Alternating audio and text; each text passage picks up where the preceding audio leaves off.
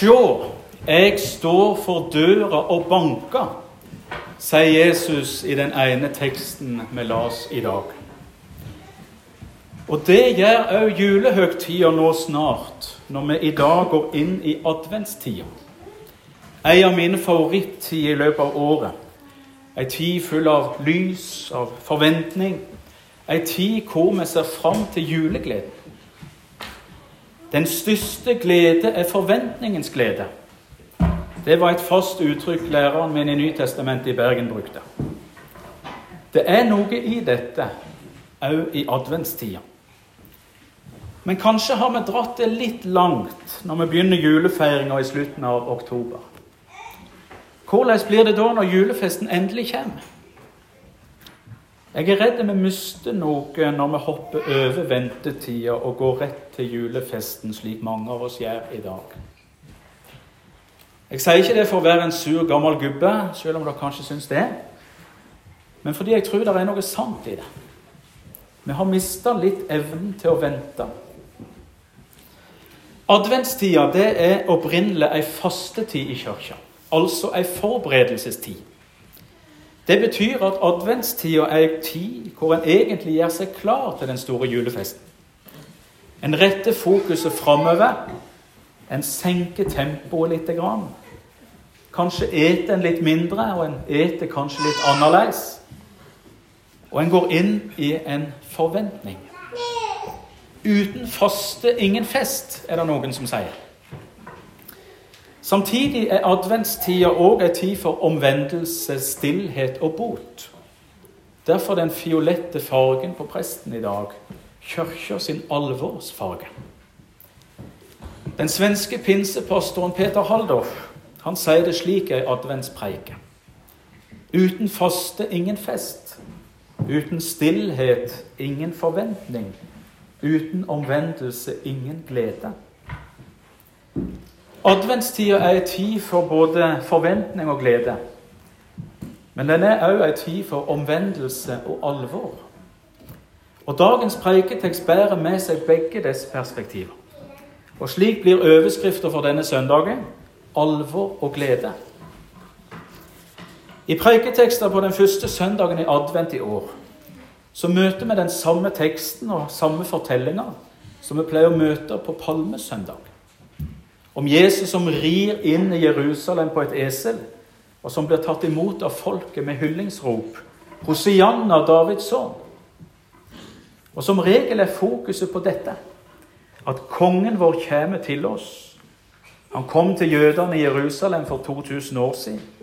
Men òg at han kommer til oss som her er samla til gudstjeneste på Giske om 2000 år seinere. Og likeså at han skal komme igjen for å dømme levende og døde, som vi sa det i truvekjenninga ved dåpen i dag. Ordet advent, det er latin. Og det betyr nettopp 'komme'. Kongen kommer. Adventus domini, Herrens komme. Og Jesus han kommer til oss i dag med et budskap om alvor og om glede. Og vi begynner med alvoret. For i dagens preiketekst så skjer det mye på kort tid. Jesus han kommer inn til Jerusalem, og her møter vi en Jesus som skaper litt av en scene. Og Vi kan ane noe av denne scenen i den gamle illustrasjonen på framsida av arket dere har fått i dag. For Jesus han oppdager at i Jerusalem der skjer det ting som slett ikke skal skje. Der har kapitalismen, mammon og pengejaget tatt overhånd i Guds hus, i tempelet. Der sitter folk og selger, og folk sitter og kjøper. Og Jesus blir sint. Det skjer ikke ofte at vi leser at Jesus blir sint. Men det skjer i den teksten vi las i dag. Og Husker dere at vi las en tekst til i dag hvor Jesus ble sint? Husker dere det? Det var iallfall én her som burde huske det, for han las teksten, og han sitter der. Men han husker det kanskje ikke, han var så nervøs.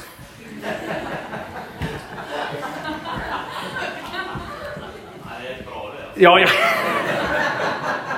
I den teksten du las før dåpen, så leser vi om at Jesus blir sint.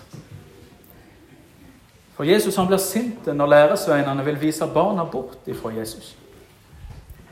Og så blir han sint i dagens tekst når han ser at de har gjort Guds hus om til noe annet enn det det skulle være. Og Jesus han ender opp med å velte bord til både pengevekslerne og benkene til de som drev og solgte.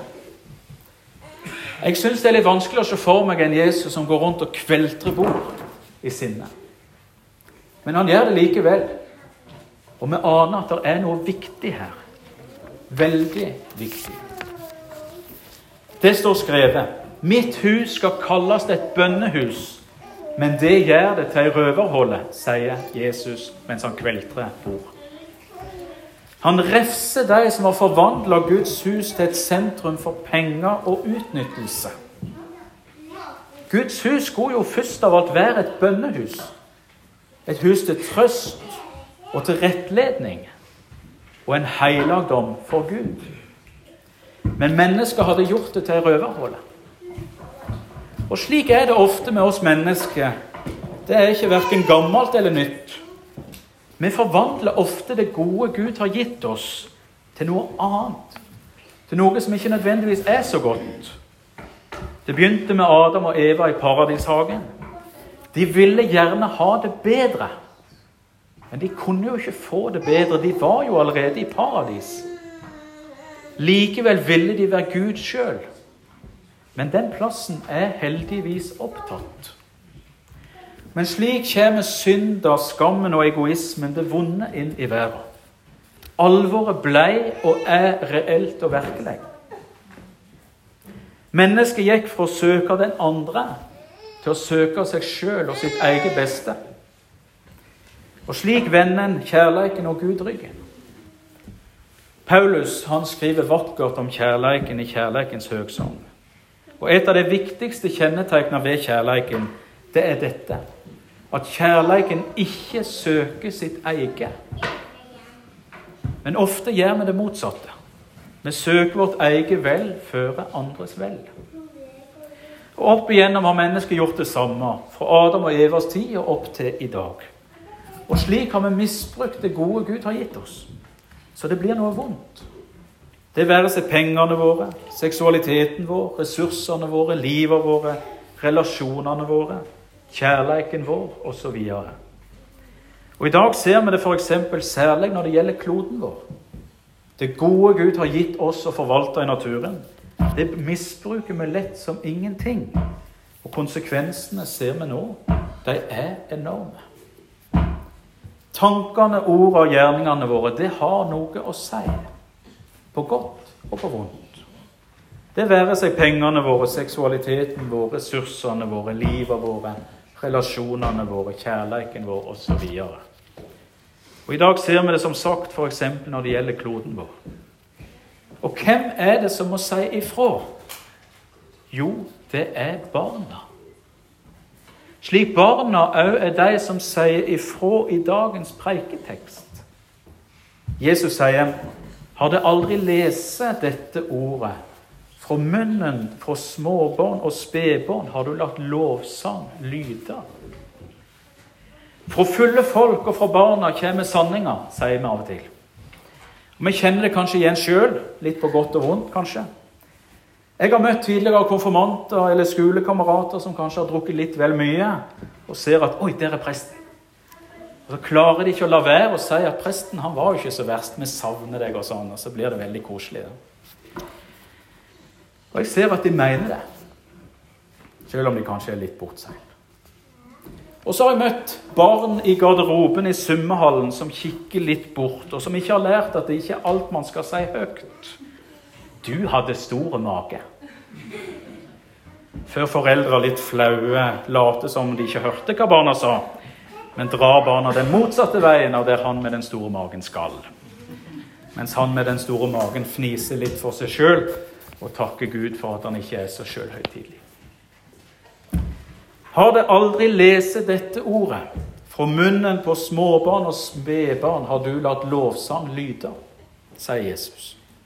Barna, de som roper 'Hosianna, Davids sønn', når de så Jesus og hva han sa og gjorde, de skjønte hva som skjer i den scenen vi har lest om i dagens tekst. De skjønte hvem Jesus var, og hvem han er. De skjønte at det var Gud sjøl som nå kom for å ordne opp, for å sette ting i den rette stand.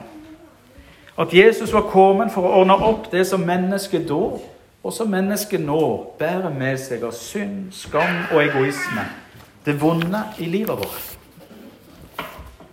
Jesus han kom til verden for å ordne opp for oss. For å sette oss fri ifra alt det som tynger oss, og som holder oss borte fra Gud, borte fra kjærligheten. Fordi han elsker oss. For så elsker Gud verden at han gav sønnen sin den enbårne. Så hver den som tror på ham, ikke skal gå fortapt, men ha evig liv. Jesus ønsker liv for oss. Han vil ikke at vi skal gå fortapt i møte med vondskapen fordi vi har mista den gode retningen. Han kom for å vise veien tilbake. Veien tilbake, veien hjem til Gud, til kjærleiken. De skriftlærde overprestene prøvde å roe dette ned. Læresvennene til Jesus prøvde å vise barna bort, men barna forsto. Og Derfor er og blir barna de som lærer skal tro først og fremst handler om. Det handler om tillit. Slik et lite barn har tillit til mor og far, slik skulle vi som er Guds barn, ha tillit til Gud som vår kjære far. Gud han krever ikke noe annet av oss enn én ting. Og det er at vi gjør det samme som Ebba, Henrik og Ådne gjorde i dag når de ble døpt. For hva gjorde de? De gjorde ingenting. De ble båret fram. De tok imot. Slik barna kan. Det er nåden og den betingelsesløse kjærleiken som Jesus kommer til oss med. Og i dag, når vi tar fatt på et nytt kirkeår, så blir vi minnet om at Jesus gir oss blanke ark gang på gang. Vi legger det gamle bak oss, og vi ser framover til lyset, til det lille barnet i krybba som gir oss liv. Og alt det vonde vi bærer med oss, kan vi få overlate til Jesus. Og han forvandler det til noe nytt. Han skaper noe nytt, noe godt og lyst. Adventstida den handler om at Jesus kom, men den handler òg om at Jesus kommer. Det er en tid for alvor til å tenke over om vi vil komme Jesus i møte når han kommer. For bare hos han fins frelsen og kjærligheten. Men først og fremst er adventstida ei tid for forventning og glede. Fordi Jesus kommer, han som elsker. Han som gir oss nye sjanser når ingen andre vil. Han som rekker hendene ut til oss, uavhengig av status, rang og livssituasjon. Det gir grunn til å gjøre som barna og lovsynge Gud. Hosianna, Davids sønn. Og Derfor ber vi òg med Bibelens siste ord i forventning og glede. Amen. Ja, kom. Herre Jesus. Ære være Faderen, ved Sønnen i Den hellige ande, som var, er og være skal, en sann Gud, fra evig og til evig. Amen.